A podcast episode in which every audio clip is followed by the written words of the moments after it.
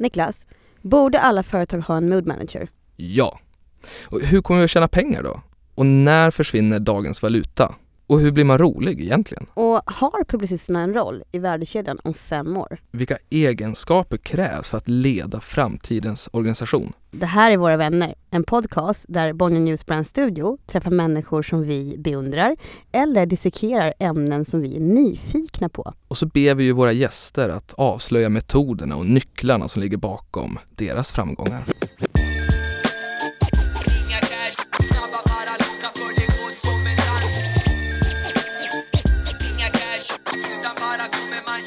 time, it's time, it's. Niklas, Mm. idag så träffar vi Dogge Doggelito, eller Douglas Leon som han egentligen heter. Ja, där har vi någon som har en story att berätta. Snacka om eh, berg och dalbaneliv. Men framför allt håller han på att spela in en dokumentär om sitt liv och mannen bakom dokumentärfilmen Ivan Blanco är också här. Han har ju följt honom under väldigt många år här. Eh, så han hade ju väldigt mycket stories han kunde dela med sig utav. Bland annat så Dogge själv berättar vilka saker som han har genomfört på sin bucket list och det var ju saker som han själv inte eh, har gjort får man ju säga. Och sen också hans egna metoder kring att faktiskt vara älskad och hatad. Och hur är det att dokumentera Dogge? Spännande. Jag heter Anna Arvidsson Jag heter Niklas Hermansson. och det här är Våra vänner och nu kör vi.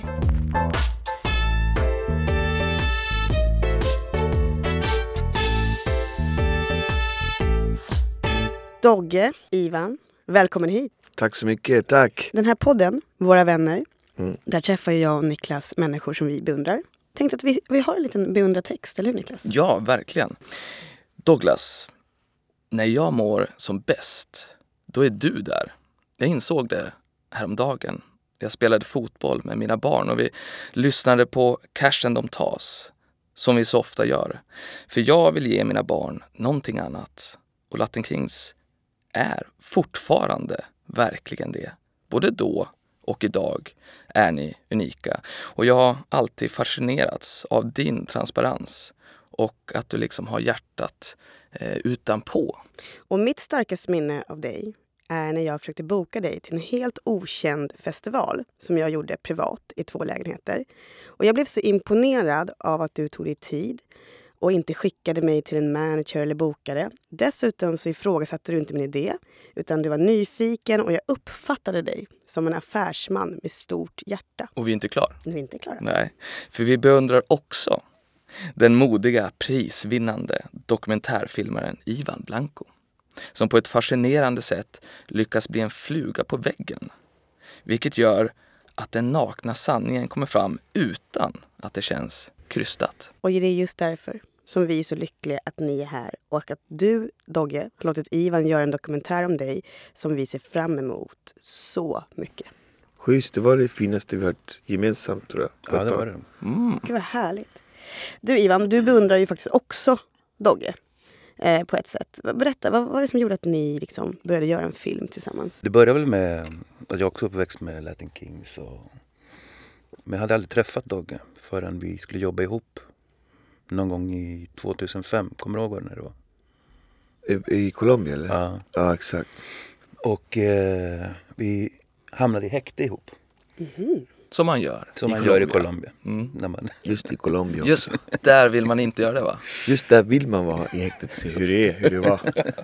Hur var det? det var intensivt. De, de hittade oss med...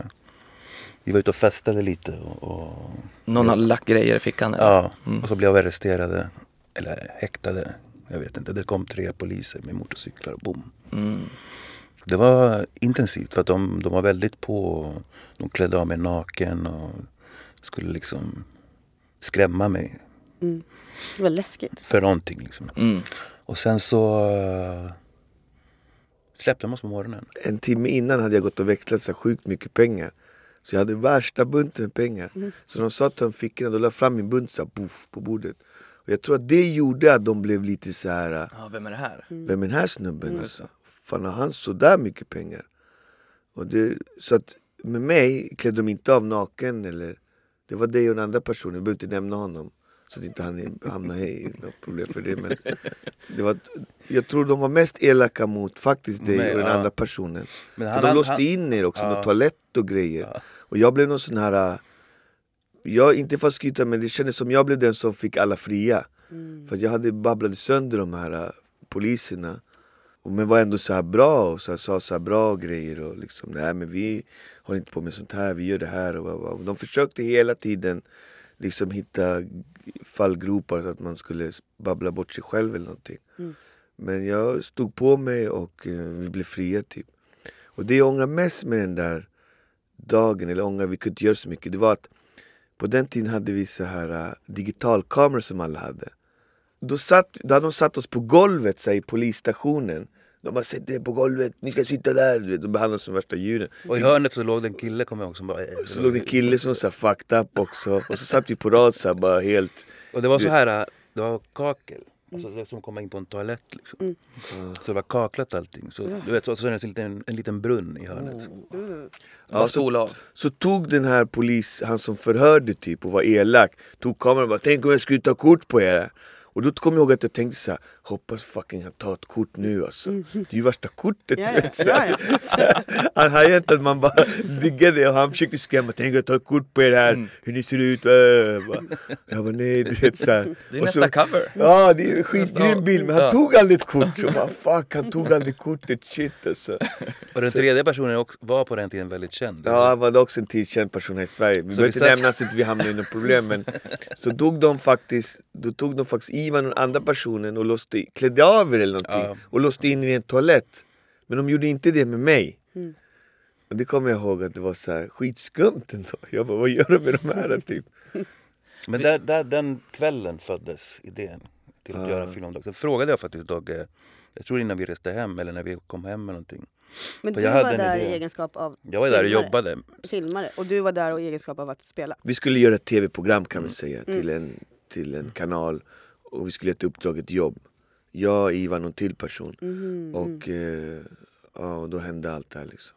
Fast ingen vet ju om det här typ. Jo, Eller jag vet inte. nu är det många. Ja nu kanske, eftersom jag pratar om det. Jag var nyfiken på pengarna. Är det så att du då hade ett väldigt bra cashflow eller är det som jag att du tar ut mycket för att skippa den här kostnaden för växlingen? Nej, grejen var så att ja, jag samlar på skivor. Och grejen är att jag hade bestämt mig, när jag åker in i det här landet Ska jag kasta alla mina, inte kasta men komma med en tom resväska Och den ska fucking vara full med skivor när jag åker hem och jag, Det kortet har jag kvar och då, då, då, liksom, ja, då blev det så här, jag växlar mycket så jag kan bara gå runt och köpa skivor För jag gick bara runt och köpte skivor Man köper dem på gatan där. På gatan där, det, för du- Brända salsa. Ah, Ja, och det är så här salsa som inte finns någon annanstans. Och på den tiden, det var innan det här eh, Spotify och allt det här du vet. Så det var skivor som gällde liksom. Mm. Så jag bara gick runt och köpte skivor överallt och bara men du vet, så då behövde man cash, kontanter liksom.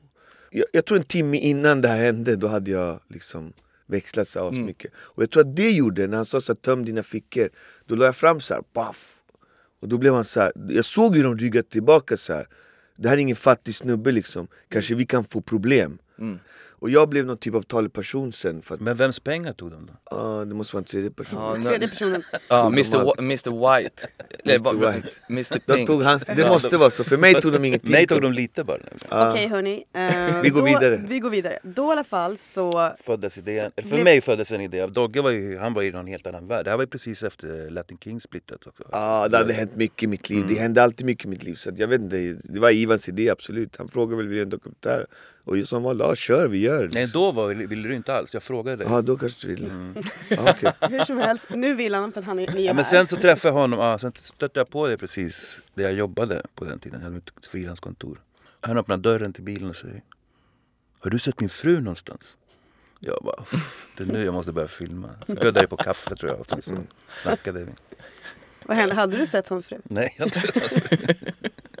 Det var också en strulig period, fan det är bara struliga perioder. Ah, Men då, och vilket år är det här då? För, Det här är hösten 2013. ja, så det är då ni börjar också? Ja, jag tog min kamera, sen åkte jag hem till dig tror jag någon dag.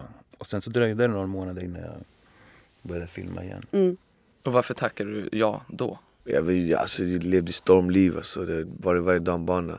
Men jag kommer ihåg den incidenten, det var i Västberga. Och då, alltså det här är helt sjukt men typ min fru och jag separerade, hon försvann med barnen typ i tre månader eller någonting. Och då åkte jag runt och letade i de här områdena efter henne om jag skulle se barnen. För jag kände på min, inom mig, jag bara de är här någonstans.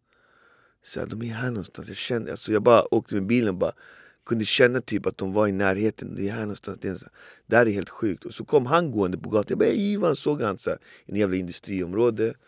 Och det var då vi snackade lite. Men sen några månader senare då visade det sig att de var typ så här Midsommarkransen som är typ några hundra meter bakom där jag träffade honom. Så jag hade typ så helt rätt någonstans. Det var där det började den dagen tror jag. Men, eh, tillbaks bara till utan barn i tre månader. Nej men det var så här. äh, min fru och jag vi skulle skiljas typ. Och då försvann hon med barnen bara. Gjorde en jävla konstig grej liksom. Mm. Tre månader är superlång tid. Ja, från barnen också. Det var galet. Alltså. Mm. Men det, det slutade med att till slut fick jag all vårdnad och allting och sånt. Som jag hade inte gjort någonting heller liksom. Det är saker som händer i livet. Det var jobbigt och men det kanske behövde hända också.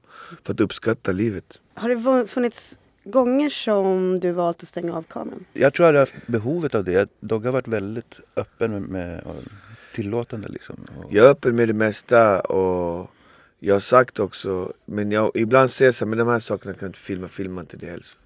Men jag tror att det handlar om andra människor. ja men jag har ju filmat allt ändå. Man har filmat allt ändå. Exakt. men, Men grejen är att vissa grejer är sådär, äh, ibland, det har snarare varit sådär att ibland händer någonting så har jag inte kameran bredvid mig. Vad lärde du av, av att liksom ha hängt med Dogge så här mycket? Massor, alltså till att börja med är han, alltså det är, Dogge, det är ett liv som har hänt, alltså som få har upplevt. Liksom. Med tanke på allt som har hänt dig och, och bara karriären och, och allting. Liksom. Så det dyker ju upp historier hela tiden som, det som blir som små pusselbitar. Och det har varit kul, jättespännande faktiskt. Att upptäcka nya sidor och både bra och dåliga sidor. Liksom. Vilken är hans eh, starkaste sida skulle du säga? En envishet som gör att han alltid får igenom sina grejer på något sätt. Liksom. Jag skulle säga jobba hårt. Jag jobbar hårt. Alltså jag, sen tar jag min, min vad ska man säga, eh, mitt yrke som konstnär och musiker på allvar. Jag, förut trodde jag att det handlade om att vara känd och tjäna pengar. Men sen när man har blivit känd eller har tjänat pengar så tror man okej, shit det var inte det här. Det är inte det det handlar om. Det, det som är grejen här, det är att göra en skiva i källaren hemma och verkligen göra klart den. Det är det som är grejen. Allt det andra det har inget med det jag, jag vill göra egentligen att göra. Men det tog ju, för att förstå det måste jag ha kommit dit. Så att idag förstår jag att det, det är hårt arbete. Det är den enda nyckeln till allting. Sen visst klart man, folk vill kanske vara kända och tjäna pengar och det men det är, inte, det är inte viktigt längre i min värld. Det viktiga är att kanske göra en bra låt eller en bra film eller en bra video. Alltså det som har med min konst att göra. Göra en bra tavla eller göra en låt med en speciell artist som jag gillar. Det är det där verkligen kändisskapet och guldet eller pengarna ligger. Alltså, det är inte fysiska pengar. Det är, liksom, det är guldet för mig. Det är, det är min guldgruva. Och det har tagit många år att lära sig det och förstå det där. Liksom. Det är det jag älskar, det är det jag vill göra. Finns det något minne för dig där du insåg det du just precis pratade om? Ja, varje gång jag gör en ny skiva och kommer på det och bara har skivan i handen och bara Wow, jag gjorde den här skivan. Du vet, förr i världen trodde jag att jag måste ha ett skivbolag, jag måste ha en manager, jag måste tjäna massor med pengar, jag måste ha miljoner visningar på eh, nätet. Så där, jag skiter i det där. Nu, jag tänker helt annorlunda. Jag tänker så här, shit jag måste skynda mig att skapa, göra snabbt, göra de här grejerna innan jag dör för livet är kort. Sen om ingen tittar på det, det, det, det berör mig inte. Det, jag, jag är inte ute efter det där. Det där är inte min grej. Min grej är bara att skapa. Så, för tiden är knapp. Så att, eh, det är det som jag måste göra hela tiden. Det är det som är min ångest. Att jag slösar för mycket tid på idiotgrejer i mitt liv. Vi, vi pratade lite om kändisskapet Ja. och sådär. Och vi, vi i Bonnier, vi är ju på- ett del kvällstidningarna. Och Ja. så här. Hur har din relation varit till media? Eh, liksom, vad som än har hänt så har jag alltid eh, bjudit in någon, pratat och delat med mig av allt vad som än har hänt. Jag tycker att om du är artist, det är en del av ditt jobb att ha en öppen relation till media. Så jag har aldrig förstått de här folken som inte pratar med media, så här, stänger på, lägger på locket och skiter i eller de bara går förbi media och är arga eller skäller på dem. Men Då kanske, för mig tycker jag så här, men det är ett samspel, båda behöver varandra någonstans ändå. Speciellt om du är artist och sådär. Jag förstår om du är fotbollsspelare kanske inte behöver media lika väl. För du har ditt lag, dina fans. Du kanske inte behöver göra en intervju men som artist måste du göra intervjuer. Alltså. Jag skulle säga bästa marknadsföringen är att prata med media. Alltså för dig själv, för din, för din konst liksom.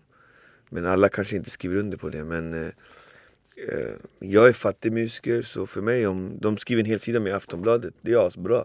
Sen om de skriver skit eller inte, det skiter jag i. Det spelar ingen roll, bara de skrev. Har du aldrig blivit berörd av det? Nej jag, jag, blir- jag blir, inte bra. Jag har varit med så länge så att jag skiter i Jag vet att det är en idiot som har skrivit det där. Han är också människa. Alltså han är bara människa. Men det roliga är att folk, de tror på allt som skrivs. De tror på det som de ser på TV. Det är ganska roligt att än idag tror de att det är sanning liksom. Man bara men det stämmer ju inte. Mm. Hur, hur har det varit med, eh, från att du eh, liksom slog igenom till idag har det gått ganska många år och det som har hänt under de åren har ju liksom inte hänt på 300 år eller 1000 år. När jag tänker på till exempel hur man kan nu kommunicera rakt ut. Man behöver i vissa fall inte ens ha tv och tidningar därför att vi har Facebook, och Instagram, Twitter och så vidare. Jag tycker det är jättekul och det är jättebra. Jag kommer ihåg när vi började rappa, då kanske det fanns 30 rappare i Stockholm. Idag finns det 3000 rappare. Och, i- och det är jättepositivt att idag kan alla göra en raplåt och det är skitbra. Men det blir också att det blir mycket skit liksom, som inte är bra. Men eh, det bra med allt det här är att alla kan göra en låt, göra reklam för sin låt, filma en video ganska lätt och få ut det. Alltså det är lätt idag att skapa och allting. Förr i världen var det mycket, mycket svårare. Du var tvungen att gå och fixa en studio. Det var ett helt annat jobb och tänk bakom. Så att det tänket eh, gjorde att det bara var verkligen de bästa rapparna som var rappare. Mm. Så jag skulle säga att de var grymma rappare förr i världen. Medan idag ska de vara grymma på mycket annat. Mm, alltså, fattar. datan hjälper till väldigt, väldigt mycket. Jag tycker att det är positivt liksom. Men sen märker jag att till exempel när jag var liten och skulle uppträda i första klass. Det var ju asjobbigt och man blev asmobbad efter det. Och så här. Och idag, jag tycker synd om barnen. För vad de än går upp och gör på scen i första, andra, tredje klass filmas av någon, eh, sparas alltid av någon. Och det, den psykiska stressen måste vara helt sjuk. Och framförallt kan man är vuxen, man kan förstå det, men barnen, alltså wow. Ja, det är jävligt tufft faktiskt. Och tänk om de sjunger och så sjunger de bort sig och så filmas det och så sparas av någon. Och Det är tufft för dem alltså. Så att för dem tror jag det är jätte, jättetufft. Jag är ändå van liksom. Jag är professionell på så sätt men för många som inte är vana, det måste vara jättehemskt. Det, det blir psykisk stress. Apropå barn, Ivan, hur mycket är Doggys barn med i dokumentären? Här och där. De dyker ju upp, springer in, kommer och säger någonting till Dogge. Och... Finns det någon sorts plan när den ska ut? Är det nästa år någon gång? Ja, förmodligen blir det. Förmodligen nästa. Och är det en, en ren dokumentär? eller? Min arbetsmetod är väl egentligen att jag bara hänger på och försöker ta mig in med Dogge i olika miljöer. Och, Mm. och liksom få när han är Dogge och Douglas. Mm, just det. Just Så att det det. går mellan, han går mellan två olika roller hela tiden kan man säga. Och vad är skillnaden mellan de två? Ena stunden är han Dogge och då är han skärma, hålla på med folk, skriva autografer, Mm. nätverka, fixa någon som bjuder in oss till någon jävla resa. Och du vet. Vi har gjort lite resor ihop. Liksom. Sen nästa stund är han Douglas, då blir han pappa, lite grinig kanske. Då tror jag att jag träffade Douglas i receptionen nu, men intervjuar Dogge. alltså, det var Han länge var sedan jag va? träffade en sån sur person som man inte känner. Jag har morgonhumör, jag var så trött alltså, jag svär. Jag var shit. Hela Ivan ska ta upp mig sju på morgonen för att göra en podd. Som Vi- Sorry, gick inte- förlåt för den. Det gick inte att prata med honom överhuvudtaget. Gillar du Dogge eller Douglas mest? Alltså, visst, jag är artist och Dogge med svenska folket Men min viktigaste roll är ju att vara pappa Så är det ju liksom. Alltså, Man kan vara vilken jävla stjärna du vill men När det kommer till kritan så måste jag vara pappa liksom. Det är min viktigaste roll. Och det vill jag vara så gott jag kan liksom. Sen att jag har ett crazy jobb Som jag har hållit på med i 36 år Det, det får vara liksom.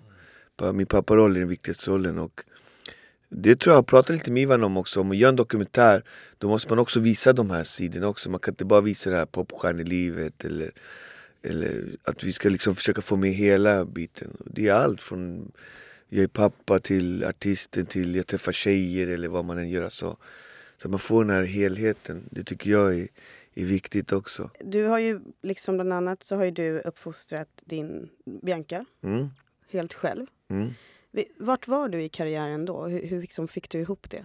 Alltså, jag har fått hjälp av mormor också, absolut, med min dotter. Men alltså, jag var på toppen av min karriär när jag gick igenom den största livskrisen man kan tänka sig. Liksom. Min fru gick bort i cancer och Bianca förlorade sin mamma. Det, pff, jag kan inte ens tänka på nästan utan man själv blir ledsen. Men det var en uppförsbacke att vandra. Alltså. det var tufft. Alltså. Och för min del så det var ju där som blev också ett vägskäl. Att jag slutade rappa, jag slutade i Latin Kings. Jag visste inte vad jag, hur jag skulle hantera all den här sorgen och rädslan och känslorna. Allt som kom som en bara våg över en.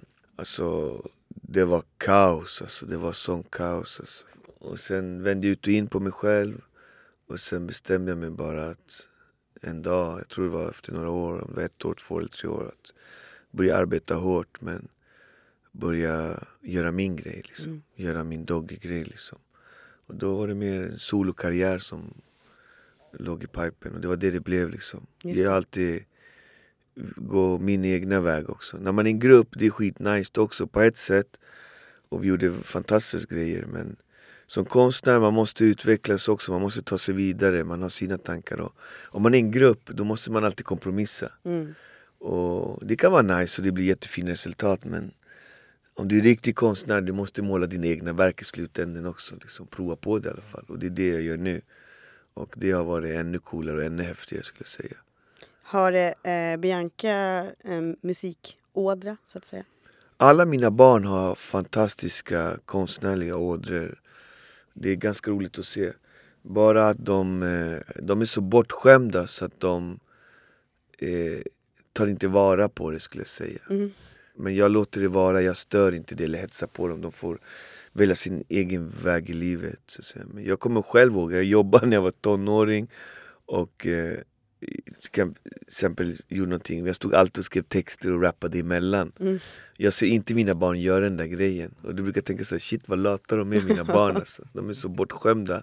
De fattar inte att de sitter med en tung talang som de bara eh, kastar bort liksom. Mm. Hoppas de vaknar upp någon dag och tar vara på det där. För att jag ser begåvningen, jag ser talangen och den är medfödd. Det är inget som, men tyvärr så eh, den här tiden är lite annorlunda än Mm. den vi, vi kommer ifrån. Alltså.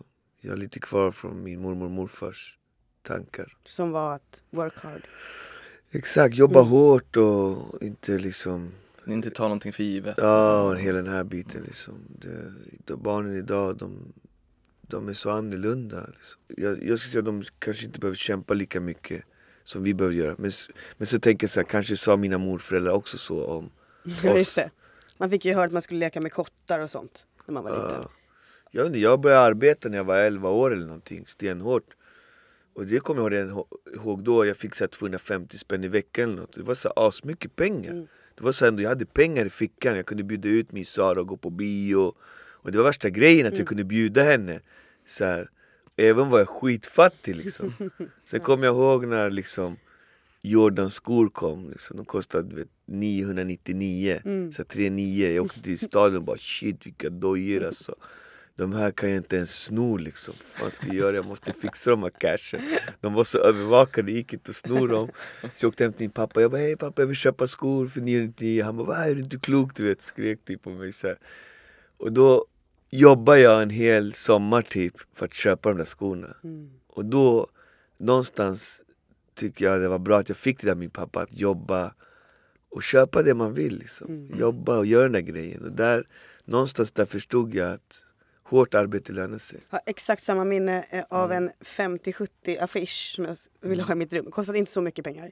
Och den, den i, i, var ju såklart skitful. Det var två hästar och något vattenfall och så var den tecknad. Just det, Ja. som man stod och det lät så här klick, Ja exakt, när man stod och bläddrade bland de här. Ja. Jag hade inte råd med den. Och sen Lyckan när jag hade liksom Fick upp den där. sparat och jag kommer ihåg att jag diskade och fick sju kronor varje gång jag diskade och såna grejer. Mm. Alltså jag var ju yngre än dig i det. Ja, fast det är men, viktigt eh, ändå det där tror jag. Liksom, att man jobbar hårt och får någon typ av belöning. För det, det visar att man, hårt arbete lönar sig någonstans. Bästa minnet då Ivan? Vi är tillbaks i filmen ändå. Dogge bjuder på väldigt många fina minnen här. Men vad har du då att bjuda på här för, från filmen? Jag bjöd Dogge på en, eh, Dogge och Bianca på en eh, tripp till först Cancún i Mexiko. För att eh, Bianca skulle fylla 15 va? Exakt. 15 fyllde hon. Och hennes dröm var att få bada med delfiner. Så vi fixade det. Och sen drog vi därifrån till Mexico City. För Dogge har alltid velat göra pilgrimsresan som- som man gör i Latinamerika när man besöker eh, La Basilica de Guadalupe som är en sån här Maria. Så då går man en eh, lång vandring där och folk kryper och vet. Eh, alla pilgrimer, de kommer ju från hela kontinenten. Liksom. Har ni, har, har ni några grejer som ni har liksom checkat av på er bucket list? I Latinamerika, om man har en dotter, hon fyller 15 Då har man den stora festen när hon fyller 15 Det är quinceanera Då blir hon kvinna då, då kan man som pappa släppa tyglarna lite liksom. Då får hon bestämma själv, hon blir liksom vuxen Så det är en viktig markering att man gör en stor fest då. och Vi skulle göra en stor fest hemma men sen eh, blev det att vi gjorde det här istället. Hon fick simma med delfiner och göra allt det där istället för att det var hennes dröm typ. Du betalar två mariachis, såna här mexikanska sångare med hattar och grejer. Som kommer fram ska sjunga en uh, Jag må variant som de har i. Och Bianca ser så otroligt så här, bara, nej pappa, nej pappa. Pinsamt. Det är skitpinsamt. Och sen när de är färdiga, de sjunger sju länge som helst. Hon bara sitter där. Så, så, så, så säger du en till, så slänger du fram en dollar. Hon bara nej pappa.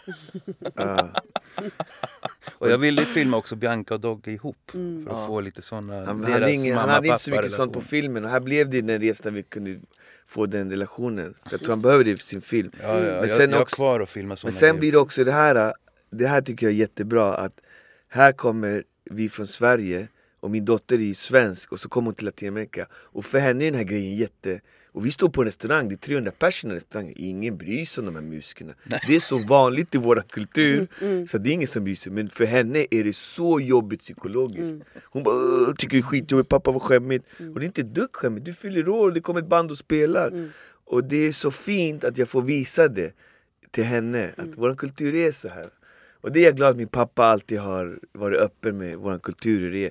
Du fyller 15, vi hyr ett band, de spelar här och de kommer gå med dig och spela om det är så också. Men jag fick inte betala mera för att hon tyckte det var så jobbigt och blev arg typ. Jag kunde inte göra henne arg på hennes 15-årsdag. Det är jobbigt. Så, så jag fick bara ge dem några dollar. Men, Va- men, men tillbaks till Niklas fråga om bucket list. Bucketlisten var ju den här uh, Guadalupen. Sen var det att åka till Frankie Ruiz grav. Jag har också gjort det. Sen var det, sen hade Ivanon åka till eh, indianerna, i- eller Heliga berg till Venezuela där indianerna gör en, man gör en ren, rening som man säger. Den har vi faktiskt inte gjort efter oroligheterna i Venezuela. Och sen hade vi några grejer till. Så jag hade en lista, jag tror jag skrev den till dig också. Det var fem, sex grejer. Ja faktiskt, du skrev det tidigare. Jag bara, det är en grej kvar. Ja, Gifta sig i Puerto Rico. Ja, det var den som är kvar gift sig i Puerto Rico. Så i typ farfars stad i en liten by där. Men det kommer säkert. Det, jag, jag är en doer brukar jag säga. Jag säger det till alla. Om jag säger att jag ska göra en grej, jag kommer göra den. Det, är bara, det är så som det är bara. Det är inga konstigheter. Så att vi har gjort det mesta av min lista i alla fall. Det som fattades, tror jag, det är, Det är Venezuela. det är Venezuela. För att vi har inte riktigt... Men det är ditt land, också, eller ditt andra land. Ja, och det har, inte, det har varit så mycket oroligt där och det är så himla farligt. Så att jag har i- egentligen satt bromsar för det, att hoppa över det, vänta tills det lugnar ner sig. För att jag vill inte att det ska bli sån här kaos och, och det, det blir det där lätt alltså. Men med tiden så, med tidens tand så att det mesta löser sig. Dogge, ehm, du har pratat eh, mycket om det som har hänt i ditt liv. Du har också pratat om att du faktiskt lyckats checka av de flesta grejerna på din bucketlist. Men om du skulle få en tidsmaskin och så skulle du få åka tillbaka och göra en ändring i din karriär. Finns det någonting då som du skulle vilja förändra eller förbättra? Ja, Jag tycker jag säger att jag var väldigt dum, slösade mycket tid på kompisar och tjejer och liksom festa och sånt här. Jag skulle ist- istället jobba mycket hårdare. Jag brukar säga så här, jag har bara gjort 12 album. Jag tycker att det är ganska lite för hur länge jag har hållit på. Jag borde vara uppe i 30 album. Jag kollar så här Cornelis Vreeswijk och de här. De var väldigt produktiva. Men de hade, han hade också skivbolag backup och pengar, mycket större pengar, box liksom så att han kunde göra allt det där. Där känner jag att när jag var yngre att jag slösar bort mycket tid på, på något som inte gav någonting. Mm. Och, och det tycker jag var dumt. Jag skulle jobbat hårdare där med mig, mig själv, min karriär och satsat mer där, varit bättre där. Det där är intressant för vi hade ju Jens Malmlöv från Hoffmaestro i podden. Eh, och han hade ju precis samma spår. Han, skulle liksom, han rökte för mycket gräs under sin period som ung. Mm. Och liksom kreerade inte, skapade inte så mycket. Vilket Exakt. hade, det hade han velat förändra nu. Att så här, varför rökte jag ner mig för så Mm. mycket? Va, va, han blev en väggkrypare. Just Var det det han var? Ja. Ja. Mm. Ja men exakt, man tror, alltså folk tror ju såhär, ah, man röker weed och blir liksom jättekreativ av weedet Men jag skulle säga att nej, du tror att du blir kreativare men du blir inte så- Så att jag tror att eh, eh, mig handlar det mer, kanske inte om weed, mer om liksom att jag slösar mycket tid på kompisar, tjejer, eh, festa, dricka och allt det här liksom. Mm. Att jag la mycket energi och tid där. Jag borde egentligen jobbat mera med mig själv och produ- producera mera. Det, kanske fem, sex album till hade funnits då i världen. Mm. Liksom, som inte finns. Och det, det är väl det. Så, liknande honom, Mm. fast det kanske inte var just weedet. Men, men det kanske alla tänker som är konstnärer. Man måste ju också vara ung och leva livet så att man lär sig. Mm. Så att man kommer till den här insikten också. Så det, Så kanske det där var de åren man lärde sig mycket också. Nu vet man mera. Det är få gånger som man har läst eh, om någon som har haft så många framgångar och gjort så stor skillnad men också haft så många motgångar. Just det här berg och dalbanelivet och jag, så jag förstår verkligen att, att, att dokumentären kommer bli väldigt intressant eh, ur den aspekten. Men, men det, det jag undrar är, de sakerna som inte dödar en, gör de en verkligen starkare? Man lär sig väldigt mycket. Det är väldigt tufft och väldigt jobbigt, absolut. Men du lär dig väldigt mycket om dig själv framförallt. Och eh, sen vissa saker tar längre tid att komma över än andra. Jag kommer ihåg att till exempel när Biancas mamma gick bort så tog det ungefär 12 år innan jag kunde säga själv så här, idag är jag lycklig. Och jag kommer ihåg det att jag tänkte så här, shit nu har det gått 12 år. När det gått 10 år så bara, nej jag är inte lycklig. Men när det har gått 12 år kan jag säga så här, idag är jag lycklig. Det tog så lång tid att liksom bearbeta en sån tung grej. Så alla saker är väldigt olika men jag skulle säga att jag har ju lärt mig väldigt mycket. Jag hade inte varit den jag är idag om inte allt det där hade hänt. Så att eh, jag personligen så, så lär man sig mycket. Man, man blir ju aldrig fullärd i livet, man lär sig hela tiden. Mm. Jag, jag, ald- jag kan aldrig vara så här, jobba, gå hem och sitta framför tvn och vara nöjd med mitt liv. Det finns inte på kartan. Alltså. Jag måste gå ut, utveckla mig, läsa nya böcker, resa, träffa nya människor. Hela tiden förnya sig. Och eh, det märker jag att vissa människor, de har inte den där grejen alls. Jag har ju en kompis, min barndomskompis säger så ah, Jag orkar bara vara med dig två dagar, sen måste jag vila tre dagar. liksom, det händer, han pallar liksom inte, det händer Nej. så mycket hela tiden. Han blir trött bara att vara med mig. Liksom. Kan du tänka efter sex år då? Men vi, vi är ju liksom uppvuxna med att, att, vi, att man ska liksom figure it out. Man ska liksom eh, hitta sig själv och man ska komma på vad som är grejen med sig själv. Men, men det är ju faktiskt som du säger, det är den enda slutsatsen jag kommer fram till också. Att du kommer aldrig fram till det. Utan det gäller bara att fortsätta. Alla har en, ett liv att leva. Mm. Och jag brukar säga fyll det med så mycket positiv kraft och energi du kan. För att ingen vet hur lång ens resa är. Alla har olika resor. Och liksom njut så länge du kan. Liksom. Det, det är här och nu. Sen blir det för sent. Liksom. Mm. Slösa inte energi på folk som är negativa. Slösa inte tid på saker du inte tycker om. Slösa inte tid på saker som inte gör dig glad. Ta bort allt sånt där. Mm. Var bara positiv och glad och älska så många du kan liksom. Och, och bli älskad och, och gör det du älskar att göra liksom. I Sverige har vi råd att göra det liksom, fortfarande. Liksom. Älskade du att göra reklamuppdragen? Ja, för det är det bästa jag vet. Mm. Det är inte folk hajar. De tror att jag... De bara... Ah, han var tvungen att göra det för pengar eller vad, vad, fan vet jag. De har hört miljoner såna här förklarar. Jag älskar att göra reklam. Jag gjort reklam sedan jag var liten. Mm. Jag gjorde reklam med Latin Kings, vi gjorde reklam med allt möjligt. Alltså det finns tidigare reklamer på Youtube som man kan se liksom, där jag gjort reklamer. Jag, jag är multikonstnär. Och man kan uttrycka sig i så många olika former. Rap är en sak som man kan uttrycka sig. Men jag ser också mina reklamfilmer som, som vad heter det, konstverk. Idag är konstverken inte bara en tavla som någon konstnär målar, en oljemålning och så säljer man den dyrt. Det var så på 1800-talet kanske. Idag är konst också visuellt och alla möjliga. Ivans film är hans konstverk. Men för mig är det också ett konstverk som jag är med och skapar. Det, det, det är en film. Sen gör jag en video, sen gör jag en skiva, sen gör jag en reklamfilm. När jag är klar så samlar vi ihop allt vad jag har gjort. Och så ser man så här, shit den här snubben han gjorde alla möjliga grejer. Så det där är bara en del av, av alla mina konstverk. Det är ett konstverk liksom. Så, att, så ser jag mina reklamfilmer. Jag älskar att göra reklamfilmer. Om det är någon VD, någon företagare som hör det här och vill göra reklam med mig, ring mig. Vi gör en reklam. I love it. Det är det bästa jag vet. Jag tycker det är ascoolt skapa. Och nu, nu är tiden för reklamen också. För att nu ska reklamen gå snabbt, den ska vara kort, den ska vara härlig, det ska vara humor. Det är liksom...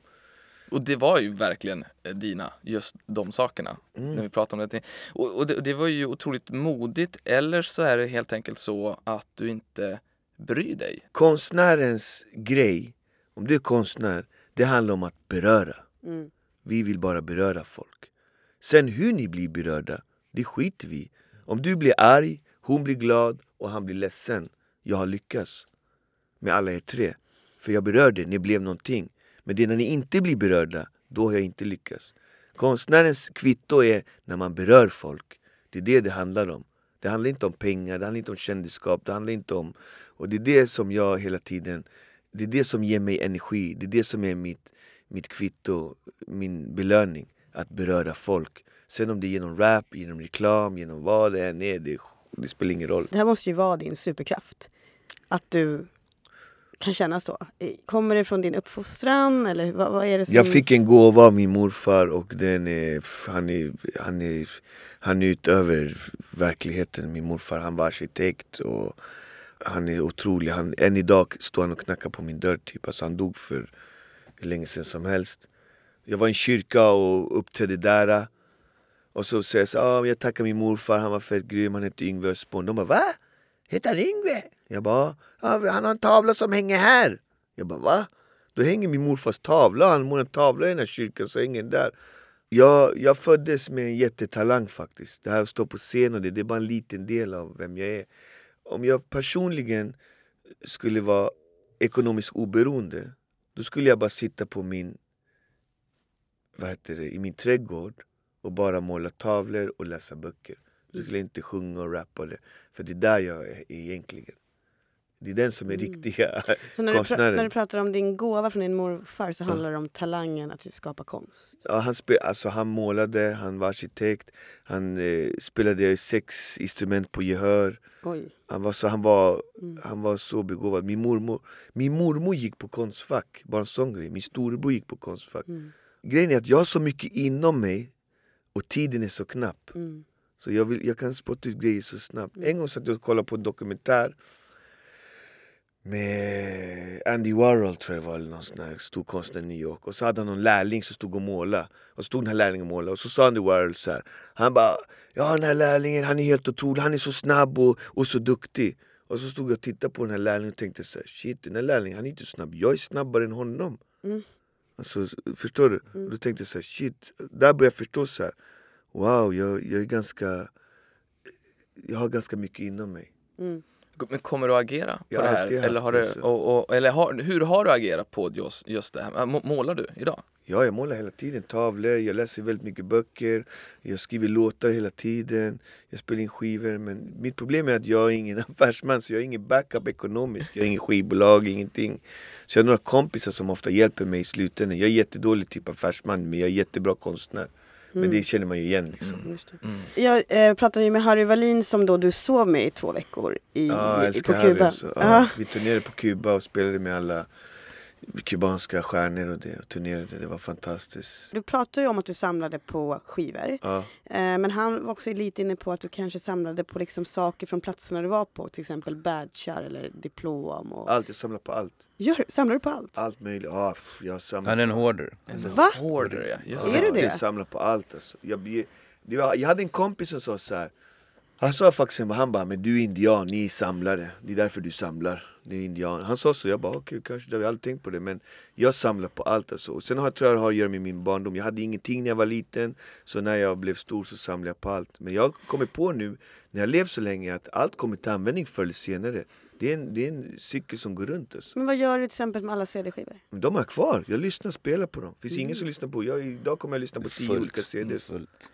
Fullt. Det är är det bokstavsordning då eller? Nej, nästan artistordning. Jag bygger egna hyllor som jag har mina CDs. Här är salsa, här är 90-tals hiphop. Jag älskar skivor. Jag fattar inte folk som säljer sina skivor nu överallt för två kronor. Jag köper allihopa. Du kan få alla mina. Han, Ja, det beror på vad det är, om det är något värde i dem, något intresse, något speciellt. Han, Men samlar, du- han samlar också på djur. Jag har, jag har 16 dvärgpapegojor, de var två, de har ingen TV, så nu är de fyra, sen blir de åtta och nu är de 16. What? Men de är, det är världens minsta papegojor, de är så här typ. Så Men är de en- i liksom ett eget rum? Nej, eller jag, har byggt en, ja, jag har byggt en stor så här, volär typ, där de lever och har sin by typ. Mm. Men papegojor ska inte sitta ensamma i en bur. Det är flockdjur. De ska vara tillsammans, ha kul och bråka och chatta med varandra och ha det skönt. Och... Hur många hundar har du då? Jag har fyra hundar men nu är hundarna ute på foder brukar jag säga. Så jag har en hemma bara. Mhm. Just det. Och, och eh, fem barn. Fem barn. Jag har fyra på jorden, en i himlen. Fem igen. Bor de hemma? Eh, Tre bor hemma hos mig heltid Mm. och en bor hos sin mamma. Har du någonsin tänkt tanken på att ha en livesänd Youtube-kanal i ditt hem som pågår dygnet runt? Det hade varit bra om någon vill betala för det. Mm. Jag orkar inte sitta och anordna det själv liksom. För jag är jätteoteknisk. Men om någon tar tag i det och gör det, vi kör absolut. Det kommer hända grejer alltså. Så Verkligen. bjuder vi in härliga gäster. Exakt. Jag skulle vilja bjud... Det hade varit coolt om man bjöd in så här världsstjärnor som kom till min... Det tänkte jag på när Lill-Babs kom upp med sin Range Rover, hoppade i högklackat och spelade in i min studio i källaren. De bara, vad coolt att Lill-Babs kom till Pakistangatan i Alby och spelade in liksom. Det är ingen som tror på det här. Och det roliga var, ingen jävel kände igen henne. Ingen hajade vem hon var på de här gatorna. Tänk om man skulle till exempel bjuda in så här en intervju med typ Obama eller något, han skulle komma gående. Ingen skulle tänka att det är han, vet. Och det är det som är så roligt med Alby. Jag kommer ihåg när Latin King spelade in med Håkan Hellström. Det var ingen som visste vem han var. Och vi frågade så vet du vem han är? De bara, nej ingen. De bara, kunde aldrig placera honom liksom. Men det är det som är så härligt med dig för jag tror inte det finns någon ställe i Sverige som inte vet vem du är åt andra hållet. Nej, de flesta känner igen mig överallt. Det är ganska roligt. Jag kan stå på Ica, kan prata i telefon så här, i kön på Ica typ. Och så lägger jag på. Och så står en gammal tant framför mig, hon är 80, så vänder hon sig om och så bara Ja, jag tyckte jag kände igen den där rösten. Bra alltså. Ja, bra härmat Ja, bra härmat. Men Bruce Springsteen har ju Göteborg. Har du någon stad förutom Stockholm som du har någon sorts relation till? Jag tog Latin Kings och Gyllene Tider och Pugh Rogefeldt Tog rekordet från Bruce Springsteen på Ullevi Då när vi uppträdde Då har var rekordet så här 59 000 Och vi tog Bruce Springsteens rekord på Ullevi då när vi uppträdde för 10 år sedan Fast nu är den spelningen på 10 största spelningen Nu har ju Håkan Hellström och andra slagit de här rekorden Men då, men då var det nummer ett. Så att, eh, jag skulle säga att jag gillar Göteborg. De är trevliga, goa och, och de gillar mig. De gillar Dogge och det är alltid kul. Man, de bjuder på grejer och är glada. Och, de är generösa. De, de förstår min kamp någonstans liksom.